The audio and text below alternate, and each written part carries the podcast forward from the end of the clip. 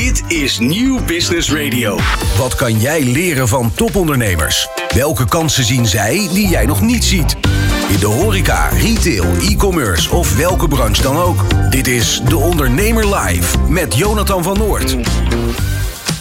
Yes, welkom en leuk dat je kijkt of luistert. Zo, leuk dat je kijkt of luistert naar de tweede uur van de Ondernemer Live. Ik ga veel te snel, joh. Ook dit uur weer een bomvol programma. Zo gaan we het hebben over AI en hoe dat het personeelstekort kan oplossen. Verder gaan we het hebben over roken op de werkvloer en is onze hoofdgast nog steeds Armin van Habian, oprichter van de snelst groeiende burgerketen van Nederland, Fat Fills. Dat allemaal in het tweede uur van de Ondernemer Live.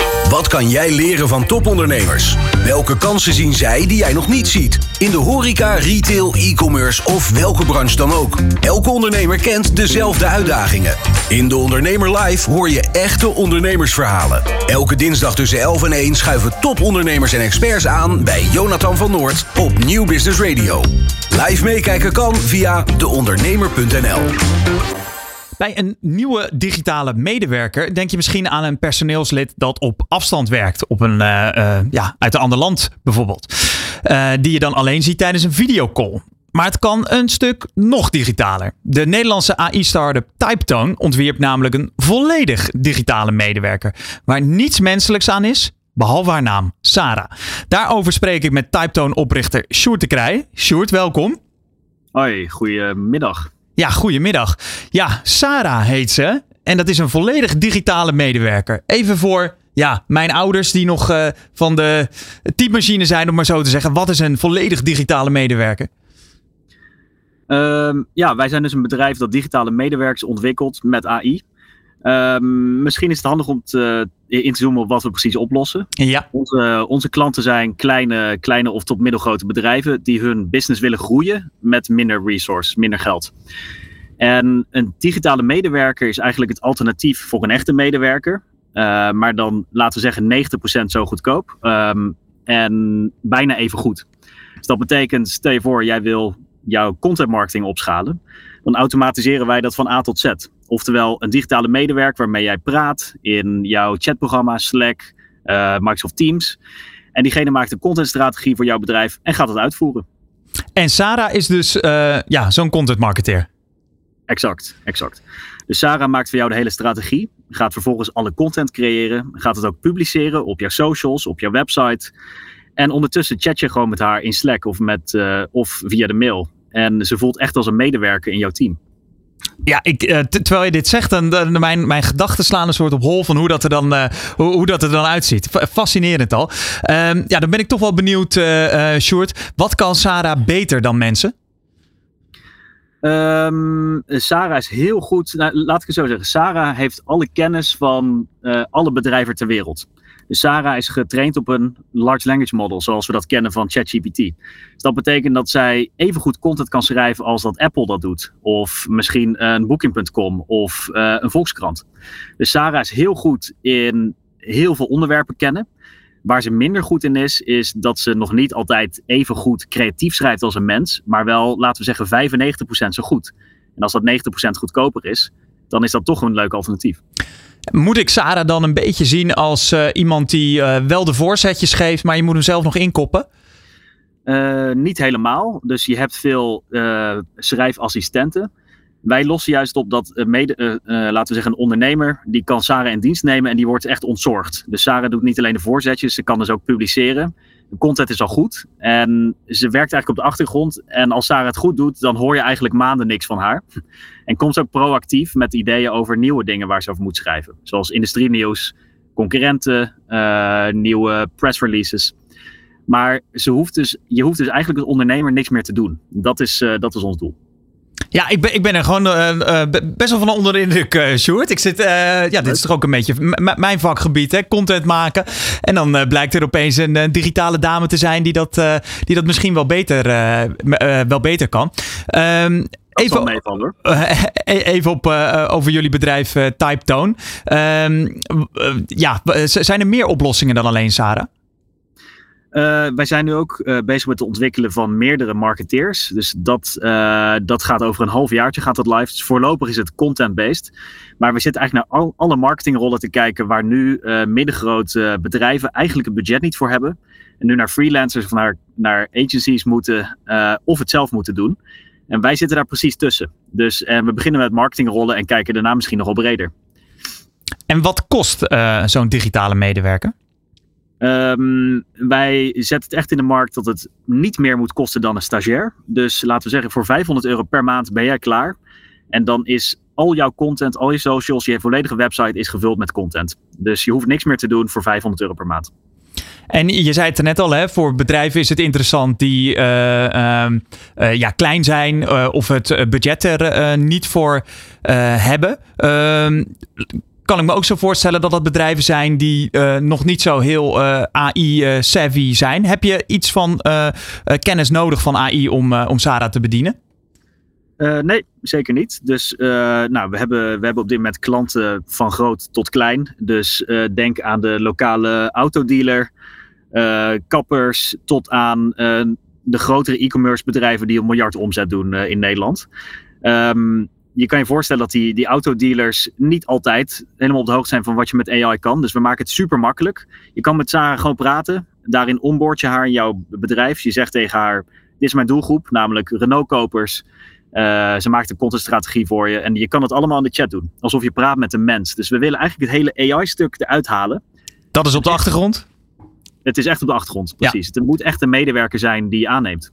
En uh, Sjoerd, welke reacties krijg je nou door van bijvoorbeeld zo'n uh, zo'n autodealer die van Sarah gebruik maakt? Ja, super enthousiast. Dus uh, we geven nu echt een, echt een alternatief ehm, voor, die, voor die mensen om niet meer s'avonds in de avonduurtjes een social post te hoeven schrijven. Dat doen ze toch vaak nog zelf. Als ze een marketingmedewerker hebben, dan heeft hij gigantische backlog aan dingen die nog gedaan moeten worden. En Sarah ontzorgt dus echt. En voor die grotere bedrijven is het gewoon een extra fijn teamlid dat de klusjes oppakt waar jij geen zin in hebt. En als je nu kijkt uh, uh, naar het, uh, het personeelstekort, je zei het net al, we focussen ons nu voor, op, op marketing. Voor welke rollen zie jij nog meer zo'n digitale medewerker als oplossing? Um, nou, je ziet in de markt zie je toch ook wat dingen in sales voorbij komen. Um, ik denk dat mensen niet zitten te wachten op eindeloze spam van AI, uh, AI salesmensen die, uh, die je LinkedIn of je, je, nou goed, je, je e-mail vol spammen. Maar dat zijn wel de eerste makkelijke toepassingen. Ik denk dat ook wel verder getrokken gaat worden naar misschien naar customer service waarschijnlijk, um, misschien HR. Je kan het zo gek niet verzinnen. De meeste kenniswerkers, maar dan op junior niveau, die gaan wel, uh, daar gaan we wel AI-medewerkers zien, ja. Ja, wat vaak gezegd wordt hè, van AI, dat uh, het is echt niet zo dat we over tien jaar allemaal onze baan kwijt zijn, maar de, je baan gaat wel veranderen. Als we nu toch nog eens even dat voorbeeld van die autodealer uh, nemen. Uh, in hoeverre is daar bijvoorbeeld ja, de, het, het, dagelijks werk veranderd van, van de mensen? Wat doen zij nu bijvoorbeeld wel of niet door de komst van Sarah? Ja, dus eigenlijk alleen maar in het positieve. Dit zijn veel bedrijven die niet eens een marketingteam hebben. Dus zij willen hun business opschalen, ze willen online, willen ze zichtbaar zijn. Uh, maar ze hebben gewoon niet een budget voor een bureau. En anders moeten ze het zelf doen. Dus ja, hun leven verandert in de zin dat ze niet meer in de avonduurtjes social post en blogartikelen aan het tikken zijn. Um, voor marketeers zelf, ja kijk, dat is ook niet onze doelgroep. Die gebruiken waarschijnlijk al ChatGPT of Typetone. We hebben ook een AI-tool waarmee je sneller kan, het content kan maken. Dus dat kan ook. Maar het zijn vooral de bedrijven die nog geen marketeers in dienst hebben. Daar verandert niet zoveel. Die zijn alleen maar blij. Uh, en uh, als we het dan toch hebben over een, een, klein stukje techniek. Hoe waarborg je er nou voor dat, en hoe zorg je ervoor dat alles wat Sarah zegt, dat dat ook klopt? Want dat is in ieder geval mijn ervaring af en toe nog wel eens bij ChatGPT. Dat het toch niet helemaal waar is. Dat bepaalde feitelijkheden niet kloppen. Ja, dit is inderdaad iets waar, waar veel bedrijven wel gelijk vragen over stellen. Wat gebeurt er nou als Sarah dingen zegt die niet kloppen? Uh, ten eerste zorgen we altijd dat mensen de keuze hebben om Sarah te checken. Dus um, Sarah kan niet zomaar dingen publiceren zonder dat jij op approve klikt, tenzij je dat echt uitzet, omdat je Sarah wel vertrouwt. Ten tweede hebben we ervoor gezorgd dat alle modellen die wij trainen heel erg gefocust zijn op waarheid. Dus uh, Sarah mag niet zomaar dingen verzinnen, geen fake nieuws de wereld inslingeren. En je kan daadwerkelijk ook bronnen uploaden. Dus als je zegt, schrijf iets over mijn bedrijf, hou je aan deze documenten, dan houdt Sarah zich daar ook aan. Dus geen nepnieuws. Ja, dus je kan eigenlijk je, uh, je eigen jaarcijfers of je, uh, ja, ik noem maar wat, je, je oude contentstrategie kan je allemaal uploaden. En dan op basis van die kennis kan ze ook werken dan eigenlijk. Ja, Dus misschien dingen over jouw merk, je openingstijden, bij wijze van spreken, je disclaimers, je terms of service, het mag allemaal. En klopt, ja. Ja, dan ben ik toch wel benieuwd tot slot, uh, Sjoerd. Gebruiken jullie Sarah zelf ook voor de marketing van Sarah? Uiteraard, ja.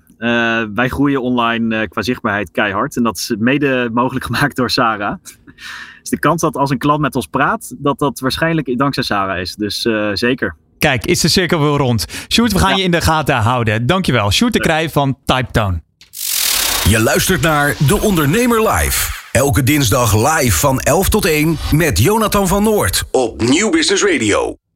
Yes, hoofdgast van vandaag is nog steeds Armin Vahabian, oprichter van Fat Fills. De burgerketen die je, ja, als je eventjes door, eh, door Nederland loopt of rijdt, dan kom je hem wel, uh, kom je hem wel tegen. Armin, welkom. we hadden het in het vorige uur al eventjes over franchisers.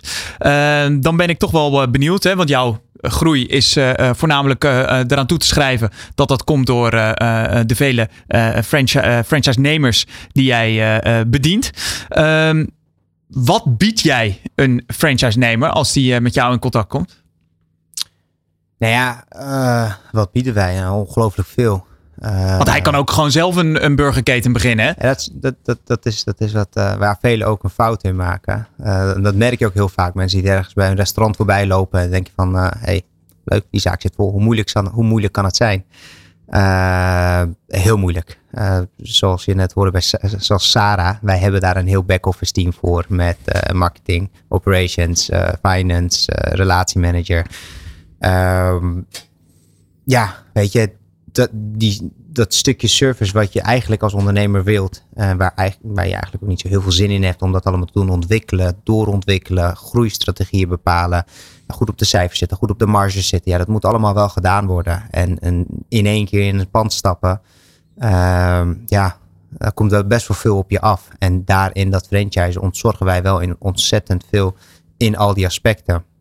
We hebben met uh, van de bouw tot aan de keuken, leveranciers tot aan de supply chain, alles beheren wij. En we, kunnen, we, ja, we zorgen ervoor dat onze franchise-nemers gewoon echt ontzorgd zijn. En ze zich echt kunnen focussen om de beste hamburger en, uh, te verkopen aan de buurt, aan, aan ja, waar wij zitten. In hoeverre vind jij dat nog ondernemen uh, als je franchise-nemer ja, bent? Het is, het is ontzettend. Het, het, stukje ondernemen zit er nog echt wel in hoor. Want dan ga je lokaal ondernemen. Ja. Daar uh, sourcen we ook onze franchise-nemers voor. Ja. lokale ondernemers die begrijpen hun buurt, die begrijpen hun markt. Uh, en in combinatie met ons, wij zijn eigenlijk een verlengstuk van hun, om hun te ondersteunen, uh, ja, om optimaal, uh, optimaal te presteren in die, in, in, in, in, in die buurt. Als je het dan hebt over de, de kosten, hè, wat, kost dat nou om, om bij jouw franchise-nemer te worden? Over wat voor percentages heb je het dan bijvoorbeeld? Nou, we hebben dat uh, staat online. we hebben uh, franchise fees en marketing fees. Nou, ja. marketing fees die investeren wij in, in marketing doeleinden. En we hebben een franchise fee van 6%, dus 6 en 3. Ja.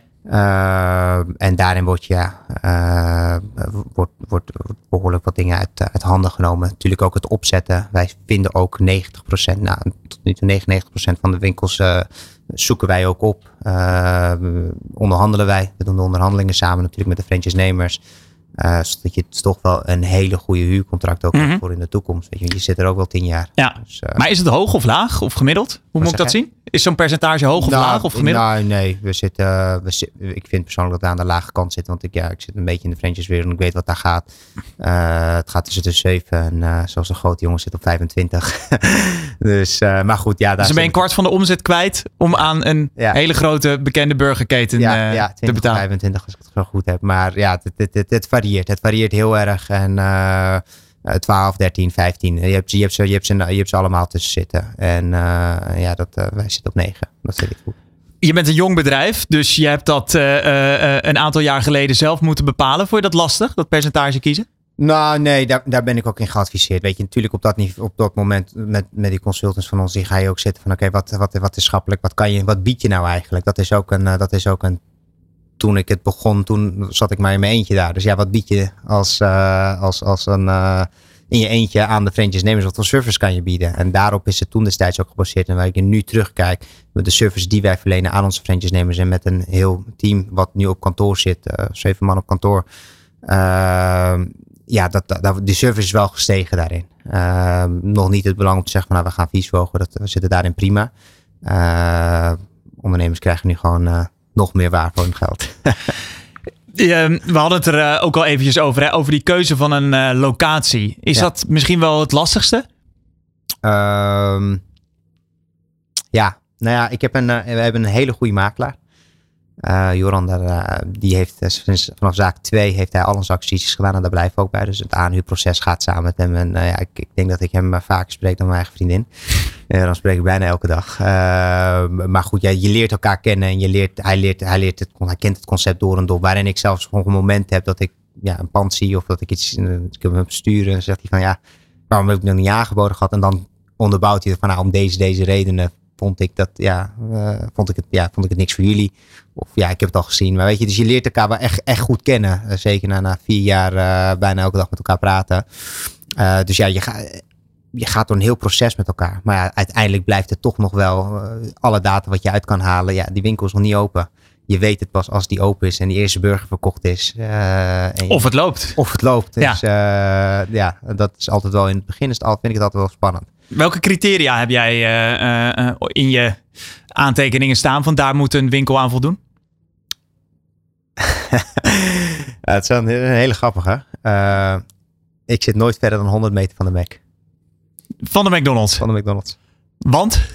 Zit altijd goed. Ja, dan heb je gewoon echt. Uh, dat is het bewijs dat je een goede locatie hebt. Zeker. Ik zit altijd goed. En dan heb je het over wel, uh, want, want, jullie zitten niet echt buiten de stad. Nee, hè? Het is wel altijd, altijd, in de altijd, altijd, altijd binnen de stad. En daar is ook, we hebben echt wel de traffic nodig. We zitten altijd wel gefocust op de prominente plekken. Nou, de Mac die zit altijd op prominente plekken. Um, en ja, daar, daar gaan wij altijd of ervoor of ernaast of erachter zitten. Maar uh, als je een steen gooit, moet je ze wel kunnen raken. maar, maar, daar, eh, maar daar ben je door, door scha en schande uh, achtergekomen? Of was dat vanaf uh, zaak 1 al bewust? Vanaf zaak 1 al bewust. Zaak 1, Gilvingsticht zat echt uh, mekker achter. Dus, en daarna Almere recht tegenover. wat kwam daarna? Den Haag erachter. Leidsendam erachter. En krijg je daar ook wel eens reacties op vanuit McDonald's? Nee, of die? nee zeker, niet, zeker niet. Nee, ik denk, ja, kijk, de Mac is zo'n geweldig merk, zo groot. En ja, die, die, die, die, hebben een, die zitten op een heel ander tak van sport dan, dan ons. En buiten het feit dat je dus dicht bij McDonald's wil zitten, waar let je nog meer op? nou, het pand op zich, kijk, de meeste focus is wel, ik, ik hou van, van, van ik vind, het vastgoed zegt heel wat over het merk waar, waar het merk in zit. En dat is daar kijken wij altijd wel heel erg naar. Van oké, okay, hoe ziet het pand eruit? Mooie ja, het is meer dan locatie. Mooie, Meer dan locatie. Mooie hoge puien, veel licht en, en, en uh, weet je, prominente plekken, mooie winkels in de buurt, uh, mooie winkelstraten. Nou, die heb je nu natuurlijk allemaal gehad. En nu ga je wel richting de wat kleinere steden. en natuurlijk het oosten van het land, daar, daar zetten we nog niet zo heel erg, behalve Arnhem. Maar ja, het, het, pand is belangrijk. Huurcontract is natuurlijk heel belangrijk. Vierkante meters. We hebben minimaal 100 vierkante meters nodig, een plus. Waar een gemiddelde vet veel tussen de 150 en de 250 vierkante meters zit. Dus ja, dat, dat, zijn wel allemaal factoren wat, wat een rol gaan spelen. Ehm, ja, dat, dat is het een beetje. En, en ook het gevoel dan, dat het, uh, dat, dat het goed zit. Elke pand dat je, als je een blik naar werd, hier zie ik, ik zie wel onze logo bovenop het puis zitten. En als, dat, als ik dat niet zie, dan, uh, dan, dan, dan en zat je gevoel ook wel eens mis?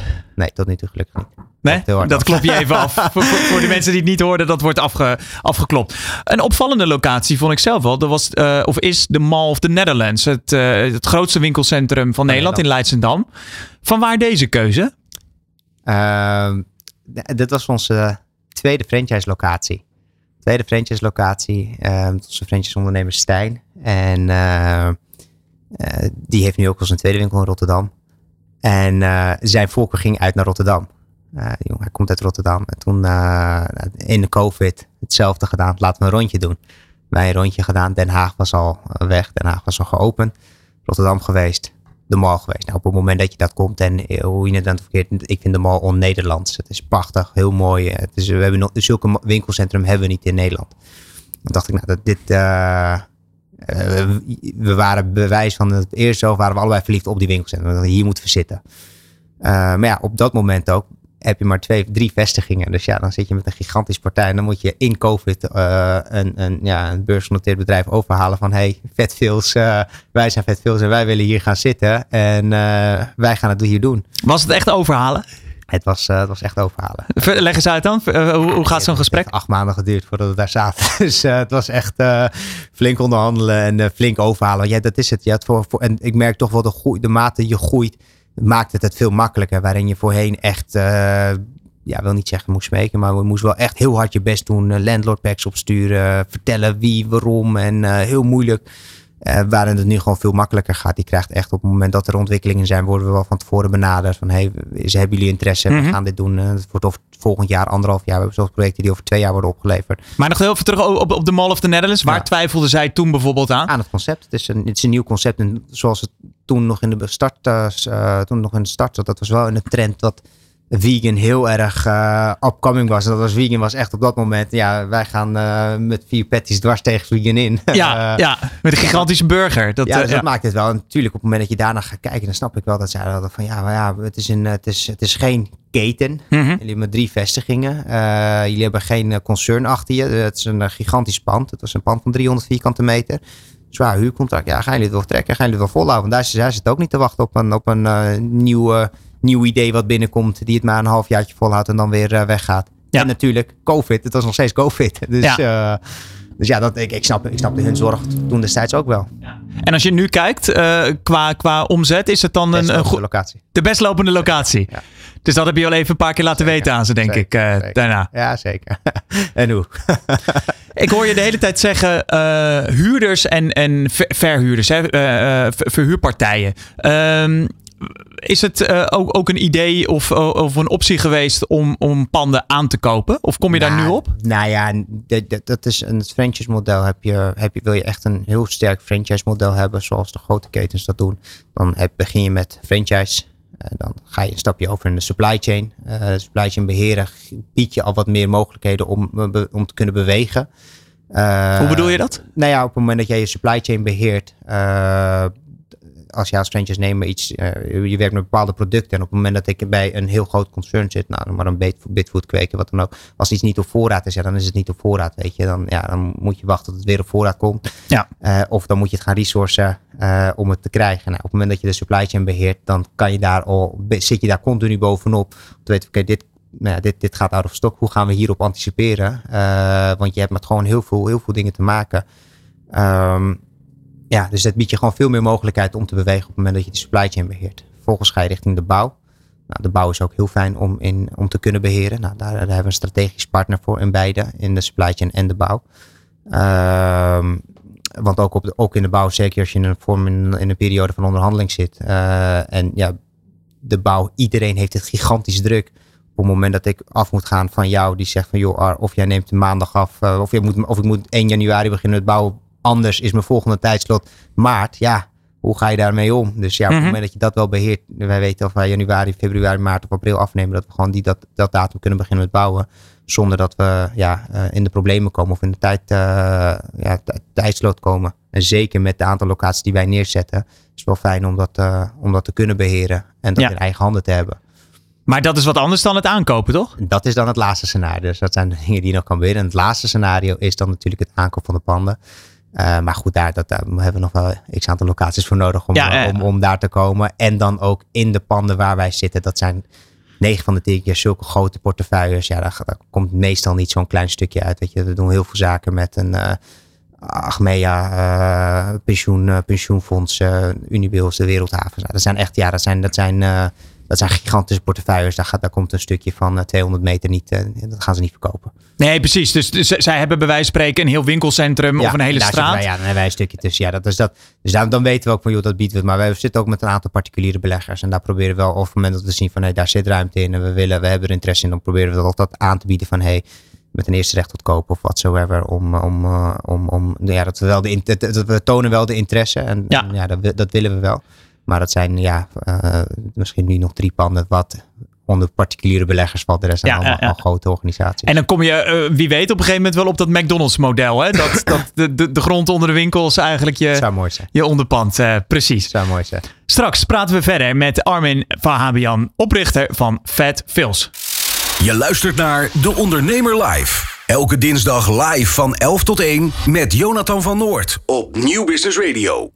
Wist je wat een van de grootste ergernissen op kantoor is? Rokers die een korte rookpauze nemen, terwijl de rest van de afdeling hard doorwerkt. Hoe je dat als werkgever oplost, daar gaan we het nu niet over hebben. Maar over die andere ergernis, namelijk een rondslingerende sigarettenpeuken, daarover wel. Want voor Matthew Wilson waren deze peuken die je vindt op bedrijventerreinen, maar ook op schoolcampussen, een doorn in het oog. Eh, hij startte daarom Peukenzee, een initiatief om die tsunami aan sigarettenpeuken, om daar wat aan te doen. Matthew, welkom. Dankjewel, dankjewel. Ja, vertel eens, wat is eh, Peukenzee? Um, Peukenzee is een bedrijf dat zich bezighoudt met het eh, minimaliseren van sigarettenvervuiling. Ja. En eh, je moet je voorstellen, het is een super groot probleem. Maar we proberen met Peukenzee ervoor te zorgen dat mensen bewust worden van dat die peuken niet op de grond horen. En dat er een groot verschil zit tussen iets dat niet mag en iets dat niet hoort. Dus eh, iets dat niet hoort, zeggen we, dat raakt je altijd in de kern. Ja. En dat gaat tegen je eigen, eh, tegen jezelf in een beetje. Terwijl iets dat niet mag, ja, daar kan je soms nog eens eh, vaak de mist bij ingaan. Maar Peukenzee houdt zich bezig met het minimaliseren van die sigarettenvervuiling. We halen sigarettenfilters op bij bedrijven. Zorgen ervoor dat ze een centraal deponeerpunt hebben. Een afvalplek waar ze hun peuken weg kunnen gooien. En tegelijkertijd eh, verzamelen dus die peuken zodat we ze kunnen recyclen. En tegelijkertijd creëren we eh, gedragsverandering door middel van opschooncampagnes, eh, het gesprek aan te gaan met mensen. En dat allemaal door niet vinger te wijzen en heel positief te zijn. En wat was het moment dat je dacht, ik zie zoveel van die peuken, hier wil ik wat aan doen? Nou, ik moet zeggen, in het begin was het idee altijd, wat nou als zo'n sigarettenfilter 5 cent waard zou zijn? Dan, ben je, nou, dan kan je vanaf hier tot aan de supermarkt je boodschappen ermee betalen. Eh, dus de eerste insteek was wel, kan je er geld mee verdienen? En toen vervolgens zagen we, oké, wacht even, dit probleem is zo groot, eh, we gaan het gewoon oplossen. Ehm, en toen zagen we ook op een gegeven moment dat die peuken voornamelijk op evenementen belanden. Dus toen gingen we de evenementenwereld op in 2019. En op die manier hebben we eh, beetje bij beetje zijn we erin gerold. Hè. Dus zagen we op een gegeven moment, oké, wacht even, dit is echt een huge problem. De meeste mensen die het eh, op de grond eh, weggooien, zijn er niet bewust van wat de schade is van zo'n sigarettenfilter. Staan er eigenlijk niet bij stil. En tegelijkertijd, eh, door middel van een kleine heads-up van wist je dat het van plastic is, dat het zoveel jaar op de grond blijft, ehm, raken mensen bewust en willen ze er ook best wel wat aan doen. Want heel even Ja. nog een stap terug. Wa- wat is precies de milieuschade van, van een sigarettenpeuk? Eh, een sigarettenfilter vervuilt eh, zo'n 8 liter water. Ehm, en tegelijkertijd bestaat het voor 95% uit plastic. Dat eerst moet je heel veel uitleggen. Hoe ver, vervuilt Ja. een peuk water? Eh, een sigarettenfilter belandt uiteindelijk meestal in de zee. En heel veel van die peuken belanden in de putten van Nederland. En eh, die vervuilen dan het water. Er zitten giftige stoffen in. Zo'n 4000 verschillende soorten stoffen. Ehm, en ik weet niet precies hoe ze dat hebben gemeten. Maar uiteindelijk komt erop neer dat als je één peuk in het water weggooit. ongeveer een oppervlakte van 5 eh, liter eh, vervuilt. Zo ver reikt het toe. Vervolgens als je het water helemaal zou doorhusselen in een bak met 100 liter, zou die 100 liter vervuild zijn. Maar stel het is stilstaand water en je gooit Ja. er een peuk in, reikt het uit tot 8 liter. En zo is het een beetje gemeten. Ehm, en jij moet je voorstellen dus dat al die peuken die hier bij ons op de grond belanden, voor het grootste gedeelte uiteindelijk allemaal in de zee belanden. En zo zijn we ook teruggekomen op de naam eh, Peukenzee. Er heerst echt een zee aan peuken op de grond, maar tegelijkertijd belandt die ook voornamelijk in de oceaan. En eh, wat kunnen jullie eh, precies, ja, ondernemers die nu misschien luisteren en denken, Ja. ah shit, bij mij voor de deur is het inderdaad ook een peukenzee. Hoe kunnen jullie helpen? Ehm, nou, daar hebben we zelf ook over nagedacht. En wat we zien is dat het ehm, best wel leuk is om mensen tijdens hun rookpauzes ehm, even te ontnemen uit de werkdruk waarin ze zitten en ze op een hele andere manier te benaderen. Ehm, we bieden de bedrijven aan om opschooncampagnes te organiseren bij hun terreinen. Dat doen we meestal één keer in het kwartaal voor een jaar lang. En dan rapen we letterlijk peuken op in het aanzicht van rokers en niet-rokers. Dat creëert op een gegeven moment vraagtekens van wat zijn jullie aan het doen? En dat is voor ons dan vaak het, uh, een ingang voor een gesprek. Dan delen we vaak ook de zakasbak uit. Kijk eens, een, uh, dat is een soort, ja. Een portable asbak, een draagbare asbak. Een reageerbuisje ja. uh, lijkt die uh, eigenlijk wel op. Het is een petflesje. Ja. Voordat die opgeblazen wordt tot een, ja, tot een waterflesje. En daar stopten we het proces. En omdat die gemaakt is van gerecycled plastic en er een dop op zit, houdt hij de geur en zuurstof tegen. Dus op die manier delen we dat uit. En dat is heel functioneel. Want zo'n roker, ja, die is vaak toch om zich heen aan het zoeken naar een asbak. En Mhm. die is er dan niet. En op deze manier heeft hij dus een asbak bij zich op zak. Al die rokers zien ook dat dat dus aan elkaar wordt uitgedeeld. En wij zeggen dan ook altijd met Peukenzee. Peukenzee is niet zozeer meteen de oplossing. Maar we brengen wel die transitie in gang. Dat mensen weten het op een gegeven moment van elkaar. Hey, het is uitgedeeld. We gaan het niet meer op de grond weggooien. Uh, want ja, die jongens hebben hier net nog lopen schoonmaken. En je hebt nu zo'n dingetje op zak. Dus geen reden meer, geen excuus voor het uh, weggooien van je peuk. Maar als ik gewoon heel even met uh, wat Hollandse nuchterheid ernaar kijk. Mag? Is een, een, een goede asbak of een peukentegel hè, met zo'n ja. zo'n gaasje erop waar je hem ook in kan, in kan pieken. Is dat niet gewoon de oplossing? Nou, daar zeg je het dus al, hè, erin pieken. We proberen dus echt rokers er vanaf te brengen dat gooien. Ze moeten die peuk, die asbaktegels, dat zijn, die zijn verschrikkelijk. Ja, oké, okay, oké. Okay. En heel veel ondernemers spreken we er ook van, haal die zo snel mogelijk weg. Want daarmee eigenlijk vereis je alleen nog maar meer de handeling van het wegschieten van die peuk er naartoe. 9 van 10 keer missen ze. Uh, komt er een windvlaag overheen en dan uh, waait hij ook nog eens weg. Dus uh, we willen ervoor zorgen dat, dat rokers de peuken wegstoppen. Um, en dat is bijvoorbeeld zo'n uh, zakkersbak perfect voor. En een staande asbak zal daar ook geschikt voor kunnen zijn. Maar... Ja, nou dan heb je nog een ander dilemma. Dat zeggen ze, uh, zien roken doet roken. Dus op het moment dat ik een paal zou plaatsen, heel vaak is het terrein rookvrij. Ja, die probleem is veel groter dan de meeste mensen denken. Ja, ja, ja. Maar, nee, leuk, uh, leuk. Zo komen we erachter. Ja, dus dan heb je een, een, een, een, terrein dat is rookvrij. Dus hij mag al sowieso niks faciliteren. Want het beleid zegt, je mag hier niet roken. 9 van de 10 keer staan de rokers toch binnen die blauwe lijn, zoals ze dat noemen, uh, te roken. Dus hij kan daar geen asbak plaatsen, een zichtbare asbak. Want dat zal er alleen maar voor zorgen dat ze daarbij gaan staan roken. En tegelijkertijd, buiten die blauwe lijn, is het vaak gemeenteterrein. Dus dan zegt de ondernemer, ja wacht even, dat is niet mijn verantwoordelijkheid. En daar proberen we het gesprek aan te gaan met, uh, ja, wij noemen ze leiders van de toekomst. Mensen die zorg dragen voor iets wat in eerste instantie niet jouw zorgen lijken. Um, en dan plaatsen dus bijvoorbeeld zo'n asbak of zo'n deponeerpunt precies op de blauwe lijn. Uh, een beetje niemandsland. En dan zie je ook de, dat de meeste rokers daar toch wel graag naartoe lopen om hun zakasbak in te legen. Want als die eenmaal vol zit, je krijgt er niet over je hart om 12 sigarettenfilters zo even nee, uh, nee, weg nee. te gooien. Maar dat doe je dus wel in de paal. Maar Matthew, je bent geen, uh, uh, niet, niet alleen een beweging begonnen, het is ook echt wel een bedrijf. Ja. W wat is het, het businessmodel uh, achter je bedrijf dan? Nou kijk, we werken nu samen met zo'n 55 bedrijven in Nederland. Moet Ja. je voorstellen, uh, heel veel universiteiten, um, uh, maar ook grote verzamelkantoren. En het businessmodel is eigenlijk als volgt dat we ervoor zorgen dat bedrijven maandelijks een bedrag betalen voor een schoner terrein. Maar Ja. eigenlijk meer uh, gedragsverandering, dat dat tot stand plaatsvindt. En daar vragen we een maandelijks bedrag voor. Die peuken die wij verzameld krijgen, die recyclen we dan. En dan geven we een product terug aan de bedrijven, zodat ze ook weer terug kunnen laten zien aan die roken, waarvoor ze dus dat, dat, uh, wat, het, wat het beloont als je dus die peuken bij je houdt en wat daar van stand kan Mhm. komen. En uh, ja, ik, het, het, het is een mooie vorm van dus mensen maandelijks te laten betalen voor iets. Uh, en het, het uiteindelijk, Ja. naar mijn idee. En hoe groot is Peukenzee nu? Uh, qua mensen, Ja. we, hebben, we zitten nu met negen man op kantoor. Uh, dus dat is wel echt serieus. Waarvan uh, uh, vier stagiaires en vijf mensen in dienst. Um, en het is best wel leuk om te zien dat dat team, een heel jong team. Best wel slimme mensen allemaal, hebben veel goed gestudeerd, veel geleerd. En dan toch zich hiermee bezig te willen houden.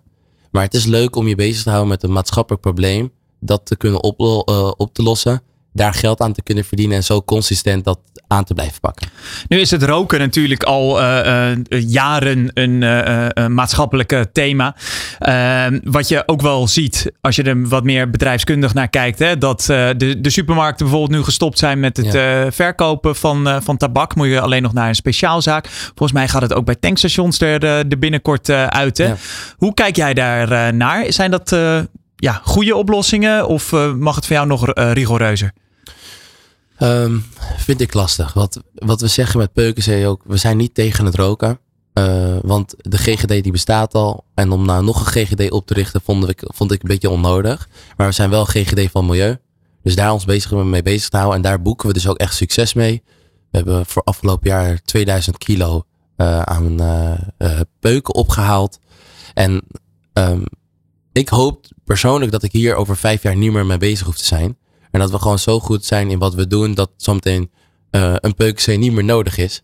En dat je dus een ander maatschappelijk probleem gaat aanpakken met hetzelfde businessmodel. Uh, je kijkt, oké, okay, waarvan belandt er heel veel op de grond? Of waar heb je heel veel, waar kampen we nou echt met een probleem van?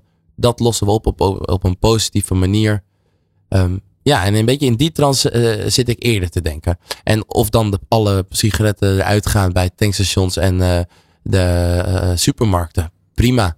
Ehm, ik denk alleen wel dat de rokers, zolang ze nog mogen roken, dat ook nog echt wel zullen doen. En pas als iemand zelf echt wilt stoppen met roken, dat hij dan daar uh, hulp bij gaat zoeken. Maar dat, dat het niet echt nut heeft om dat aan alle kanten te dichten. Als je uh, even focust op, uh, op de succeservaring waar jij in je werk te maken mee krijgt. Welke cases heb je dan bijvoorbeeld? Dat je zegt, nou, trots op. Uh, de Rembrandtoren in, Am in, Amsterdam dat was toch wel, dat een van onze eerste klanten geweest. Er zitten 35 bedrijven in, een paar Amerikaanse bedrijven. En daar kwamen we aan. En die zeiden van, ja jongens, laat maar zien of jullie dit lukt. Want wij hebben al zo lang gesleuteld hieraan. En nu, Wat hadden zij bijvoorbeeld geprobeerd om, om die peuken... Nou, zo'n asbak te plaatsen. Ja. toch op het, tegen het rookbeleid in. Uh, niet gelukt. Uh, mensen weg te sturen naar de hoeken van hey, daar mag je alleen nog maar roken. Als het regent stonden ze toch onder het afdakje. Ja, ja, ja. En nu uh, vier keer op rij, vier jaar lang nu al met ze aan het samenwerken. maar tegelijkertijd ook Universiteit Maastricht. Sinds vorig jaar daarmee samengewerkt. Acht gebouwen van de universiteit. Allemaal verschillende internationale studenten die daar met zo'n asbak dus rondlopen. En de de, de buurt en de gemeente Maastricht, die ervaart dus echt minder peukoverlast. En dat is wel iets toch moois om uh, terug te krijgen. Want dat zie je ook weer terug dan in de pers. En opeens uh, gekke belletjes die we krijgen vanuit uh, Den Haag ook. Van hey jongens, we zien dat jullie dit allemaal tot stand hebben gebracht. Als we ergens kunnen wij helpen, laat maar weten. Vanuit de politiek bedoel je? Ja, ja we hebben, vorig jaar zijn we op handelsmissie geweest. Uh, omdat, we, omdat ze wilden laten zien hoe makkelijk je met zo'n simpel idee zoveel impact kan krijgen. En uh, dat is misschien wel leuk om te vertellen. Zat ik in de auto uh, en toen werd ik gebeld door ons voormalige minister-president Jan-Peter Balkende. Kijk eens. zei ze van, nou, um, ik heb dit en dit en dit meegekregen. Ik ben eigenlijk best wel benieuwd als ik ergens bij kan gaan helpen. Uh, dus daar zitten we nu ook een beetje mee te denken van oké, okay, hoe kunnen we dat gebruiken om nog sneller tot onze doelstellingen te komen en onze visie en missie. Nu heb je het zelf al een beetje verklapt, hè? Uh, het buitenland. Uh, ja. hoe, hoe zie je de toekomst voor je met, met Peukense? Um, zeer gunstig. Als ik kijk naar wat er allemaal mogelijk is. zelf denk ik niet dat wij dat allemaal hoeven te doen. Maar het is best wel mooi om aan mensen gewoon sleutels te geven van hey, zo doen we het hier. Ga daar er ook mee aan de slag. En op die manier kunnen ze altijd naar jou terugkomen om, om te vragen hoe doe je dat dan. Uh, maar tegelijkertijd, volgens mij gaan ze nu in Nigeria, is een circulair ketenproject wat ze aan het oprichten zijn. De ambassadeur, de Nederlandse ambassadeur in Nigeria, die zei van hé, hey, wij hebben nog wel wat mensen over die uh, met de afstand tot de arbeidsmarkt zich hiermee bezig kunnen houden, kunnen jullie hun informeren. Dus wie weet gaan we daar binnenkort naartoe om die mensen te inspireren en dat, zodat zij op die manier door kunnen gaan. dus zo ziet de toekomst denk ik een beetje uit. Als nou ondernemers uh, geïnteresseerd zijn, hoe kunnen ze zich uh, bij jou en Peukenzee melden? Nou, we hebben op de website een heel mooi formuliertje. maar wij schrijven graag peukenplannen voor de ondernemers. En die peukenplannen die zorgen er gewoon voor, die, die brengen in kaart hoe groot het probleem bij je is. En op welke manier we het zouden kunnen aanpakken. En hopen we dat we binnen nu en een jaar ervoor zorgen dat de peuken niet meer op de grond belanden. Maar gewoon netjes in de paal.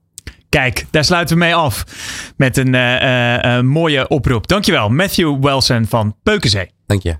Leren van topondernemers, kansen zien waar anderen overheen kijken. Dit is De Ondernemer Live. Ja, welkom bij het laatste kwartiertje van De Ondernemer Live. Met nog steeds onze hoofdgast Armin Vahabian van uh, burgerketen Vet Fils. Ja, Armin, uh, wat je nu vaak hoort uh, bij ondernemers, hè, de kosten zijn hoog, dus ze willen iets aan reductie uh, gaan doen.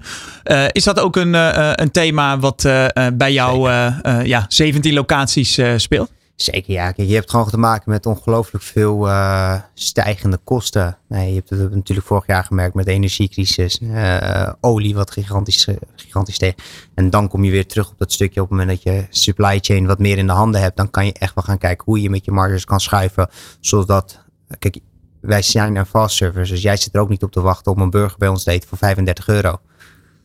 Ja, ja op het moment dat je dat wel, dus de, je, je supply chain onder beheer hebt, dan heb je veel meer beweging om te zeggen, weet je wat, we gaan, uh, ja, we gaan wat tweaken aan, aan, uh, aan, aan, aan, aan de producten die geleverd worden. Uh, door, door toch je marges te kunnen bewaken. En zelfs op een punt op het moment dat een producten te duur worden. Door bepaalde, door bepaalde maatregelen die in de wereld worden getroffen. Dat je dan toch eventjes eraf haalt. Weet je, dat je bepaalde dingen niet meer kan verkopen. Omdat het gewoon op dat moment te duur is. Want dat is ook een heel ding prijsbeleid. Mm -hmm. uh, ja, het is heel belangrijk dat de ondernemer natuurlijk altijd gewoon geld blijft verdienen. Uh, maar wat je bijvoorbeeld ook wel hoort, uh, een collega van jou hadden we hier uh, laatst in de uitzending, Rames Ramzi. Ja. Volgens mij ook een goede vriend van je. Um, die had het erover dat hij eigenlijk steeds meer vanuit één locatie werkte. Een soort één grote ja. ja. fabriekskeuken, de, even mijn woorden. en van daaruit eigenlijk al zijn locaties bedient. Want ja, ze gebruiken ook noem wat allemaal frietjes. En dan kan je dat allemaal vanuit die keuken bijvoorbeeld uh, la laten komen. Verzin ik even hoor, het zal vast een ander product zijn. Uh, is dat ook een, een werkwijze bij jullie? Dat je ja, vanuit een, ja, we hebben een gigantische, gigantische lood in Sint-Antonius. En daar zitten wij dan, wij, wij maken, wij zitten natuurlijk met een Coca-Cola, met een McCain, met alle producten, met leveranciers waar wij van inkopen. Nou, dat, dat wordt daar allemaal geleverd. Dan wordt het voor de franchise nemen wat makkelijker gemaakt, want die heeft één app, die bestelt in de app. En, en daar zitten wij wel continu bovenop om te kijken van oké, worden die marges gehaald. Maar puur omdat wij echt met verse producten werken. Kijk, het is, een, ja, het is rauw vlees. Mm -hmm. Wij kopen dat wel in. Gigantisch. Dat wordt daar geleverd en dan wordt het weer uitgeleverd naar de franchise-nemer. Um, maar we kunnen dat niet voormaken. Of, of uh, ik, ik, ja, Remies die heeft gigantisch veel verschillende zaken. Dus daar zit wel wat, wat voor hem wat makkelijk in om... Uh, om, die, hebben, die hebben wel wat, wat kokswerk wat je eraf kan halen. Ja. Wij hebben daarin tegen geen kokswerk. Uh, dus dus uh, ja, bij ons zijn de processen net wat, wat, wat simpeler. Uh, net wat simpeler. Dus ja, daar, daarmee heb je, al een, heb je al een stuk getackeld. Ja, en als we het dan hebben over kostenreductie, welke stap zou je echt niet willen nemen? Kwaliteit. Kwaliteit. En kan je een voorbeeld geven van waar, waar je misschien wel door een leverancier wordt aangestuurd, maar wat er bij jou niet in komt? Um, Nee, nee, niet echt. Want ja, wij, wij zitten er bovenop en, en wij sturen in principe zelf aan. Uh, dus ja, het, het, komt bij ons niet echt doorheen dat wij iets aangeboden krijgen om te gaan, om, om in de kosten te snijden. Wij, wij, wij treden daar zelf in de voorgrond op. Dus, dus dat, wij krijgen niet. En de leveranciers, daar hebben we ook hele goede lijnen mee. Dus zij weten ook wat, waar wij zijn en wat onze normen en waarden zijn. En waar wij echt voor staan als vetvils. Dus die wij krijgen ook dat soort dingen niet aangeboden. Um, als we het hebben over uh, groei, dan, uh, dan gaat het nu de, de afgelopen jaren al, uh, al hard. Waar wil je, als we even naar Nederland kijken, in de toekomst staan? kort in Nederland. Dus de doelstelling in, voor het komend jaar is 25 voor 25. Mooi gimmick. Ja, dus dan hebben we het over uh, acht zaken, ja. uh, acht locaties erbij. Erbij, ja. En uh, de eerste vier die zitten, al, die, die zitten goed in, goed in de race om, om te komen. Um, dan komt onze eerste locatie in Londen aan. Mei-opening. volgens de eerste locatie in München. Die verwacht ik in, in de zomer te openen. Um, is dat nog anders voor je? Dat je naar, naar het buitenland gaat? Uh, hoe bedoel je? Nou ja, is dat, uh, vind je dat extra spannend? Ja, zeker. zeker. Ja? Gigantisch. Ja. ja, ik zei liegen als ik niet. Maar goed, het is, weet je, het is natuurlijk met dat ook weer de eerste winkel. Die moet je overheen gaan. En daar komt uh, Duitsland, maakt het, zijn we nu mee bezig. Dat maakt het wat makkelijker. Je hebt natuurlijk gewoon met de EU-wetgevingen. Mm -hmm. maar Engeland wij hebben een heel lijn aan producten wat je in Engeland moet krijgen. We hebben onze eigen saus, eigen kipproducten, eigen bier. Ja. Ehm, ja, dat moet je allemaal van Nederland nu naar Groot-Brittannië krijgen. Maar die zijn uit de EU. Dus je hebt nu weer nieuwe regelgevingen waar je aan moet aanpassen. En dat is echt een, een langer proces nu? Uh, zeker, zeker. Ja? Een langer proces. Uh, kan je dat concreet maken? Waar moet ik dan aan denken bijvoorbeeld? Kost nee, dat echt maanden? Extra? Nou, niet zozeer maanden. Maar goed, je hebt bijvoorbeeld nu een, een, een uh, gezondheidscertificaat wat je standaard moet aanleveren aan de UK. Op het moment dat jij vleesproducten gaat leveren. Uh, nou, we hebben eigen eentje aan kipproducten. Nou, die moeten daar naartoe. Dus dan moet je een aparte health certificate voor hebben. Nou ja, die moet je dan weer een hele beetje door, door, een, bepaalde, uh, ja, door een bepaalde regelgeving laten gaan. Zodat ze die keurmerk krijgen. Terwijl naar Nederland, België, Duitsland. Ja, dan kan je gewoon uitbreiden. Kan je gewoon heel makkelijk dat, dat, dat, dat, dat leveren. Uh, dus ja, daar heb je gewoon wel, wel mee te maken. Je kostprijs gaat natuurlijk een beetje stijgen. Want je hebt daar één winkel. En je moet wel producten daar zien te krijgen. Ehm, dus daar, ja, daar moet je gewoon heel erg op zitten van oké, hoe, gaan, hoe gaan we hiermee om? Dat is nog, dat is nog wel een, uh, nog wel een andere tak van sport. En we hebben daar gelukkig hele fijne partners, heel veel ervaring. Uh, dus, dus dat maakt het, dat, daar hebben we wel gewoon, uh, ja, wordt wel goed bij de hand genomen. En waarom Engeland en waarom Duitsland? Ehm, in mijn opinie zijn dat de twee grootste markten voor ons. Uh, er komen ook nog wel wat andere landen aan, maar dit zijn de twee landen die concreet zijn uh, en waar we nu gewoon al de eerste stappen hebben, de winkels al hebben, waar we echt een, een, toe gaan. en ik geloof gewoon heel erg in, in het eetcultuur. Je hebt gewoon in, de eetcultuur, voornamelijk Duitsland, is, is een Burgondische eetcultuur. En dat, dat ja, vleeseters ook vleeseters. wel, hè? En, ja. en dat is, de vetvils is zegt het al. ja. En, en Engeland een dito. Engeland een dito. Ik denk dat dat, uh, het, het, slaat gewoon heel goed aan. En je merkt het toch ook wel uh, hoe de andere ketens uh, die vanuit Amerika daar komen, hoe dat wordt ontvangen. Dat wordt gigantisch goed ontvangen. Ja. Terwijl je het merkt in Nederland dat daar toch wel moeilijk is. Nederland is echt wel een moeilijke markt om in, in de fast service te slagen en groot te worden. Waarom? Eetcultuur. Eetcultuur. Je hebt gewoon een heel andere eetcultuur in, in Nederland dan in Engeland, Duitsland mensen zijn toch wel. Uh, kijk, ik zeg altijd: Nederland is uh, groter dan Amsterdam alleen. En heel veel mensen focussen zich alleen maar op Amsterdam. En uh, ja, dat is wel een grote stad. veel dynamiek, veel, veel mensen van buitenaf die er, die er zitten. Dus dan, dan kan je producten zoals wat wij bij Vetvils hebben, of veel, veel meer andere internationale producten, kan je veel makkelijker in de markt brengen. Zeker ja. in ketenbreed.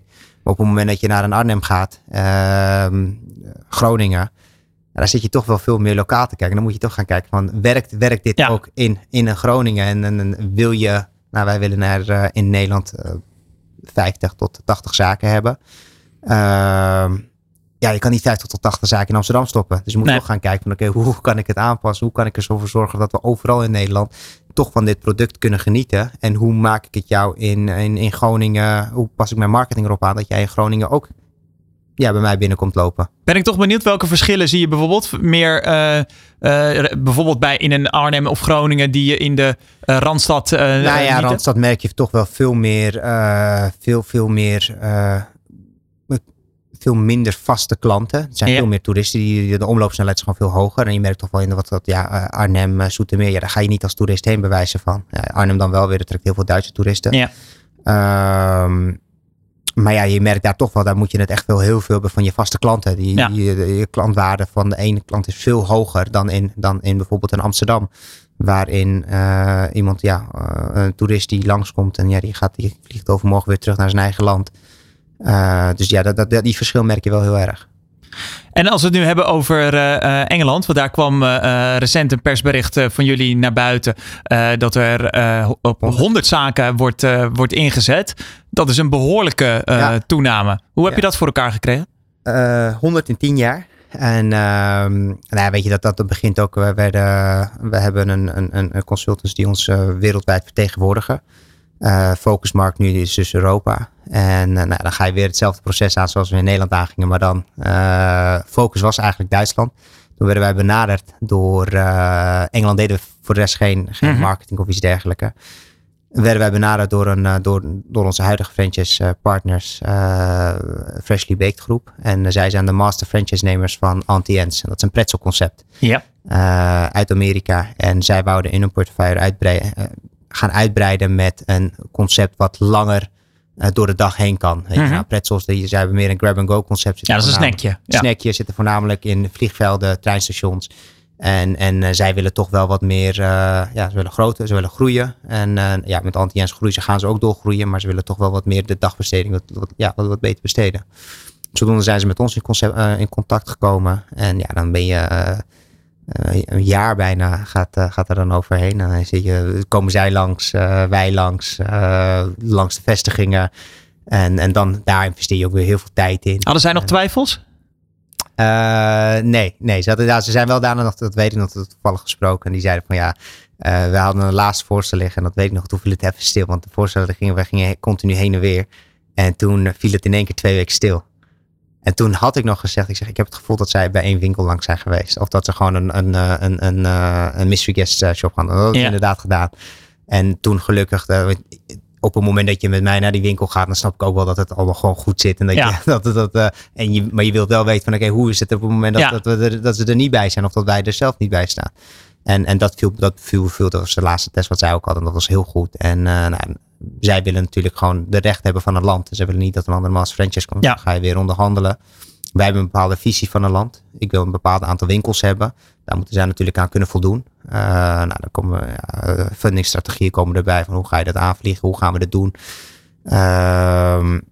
En nou, dan kom je op een bepaald nummer uit. En dat is dan uh, 100 in 10 jaar. En uh, daar teken je met elkaar een contract voor.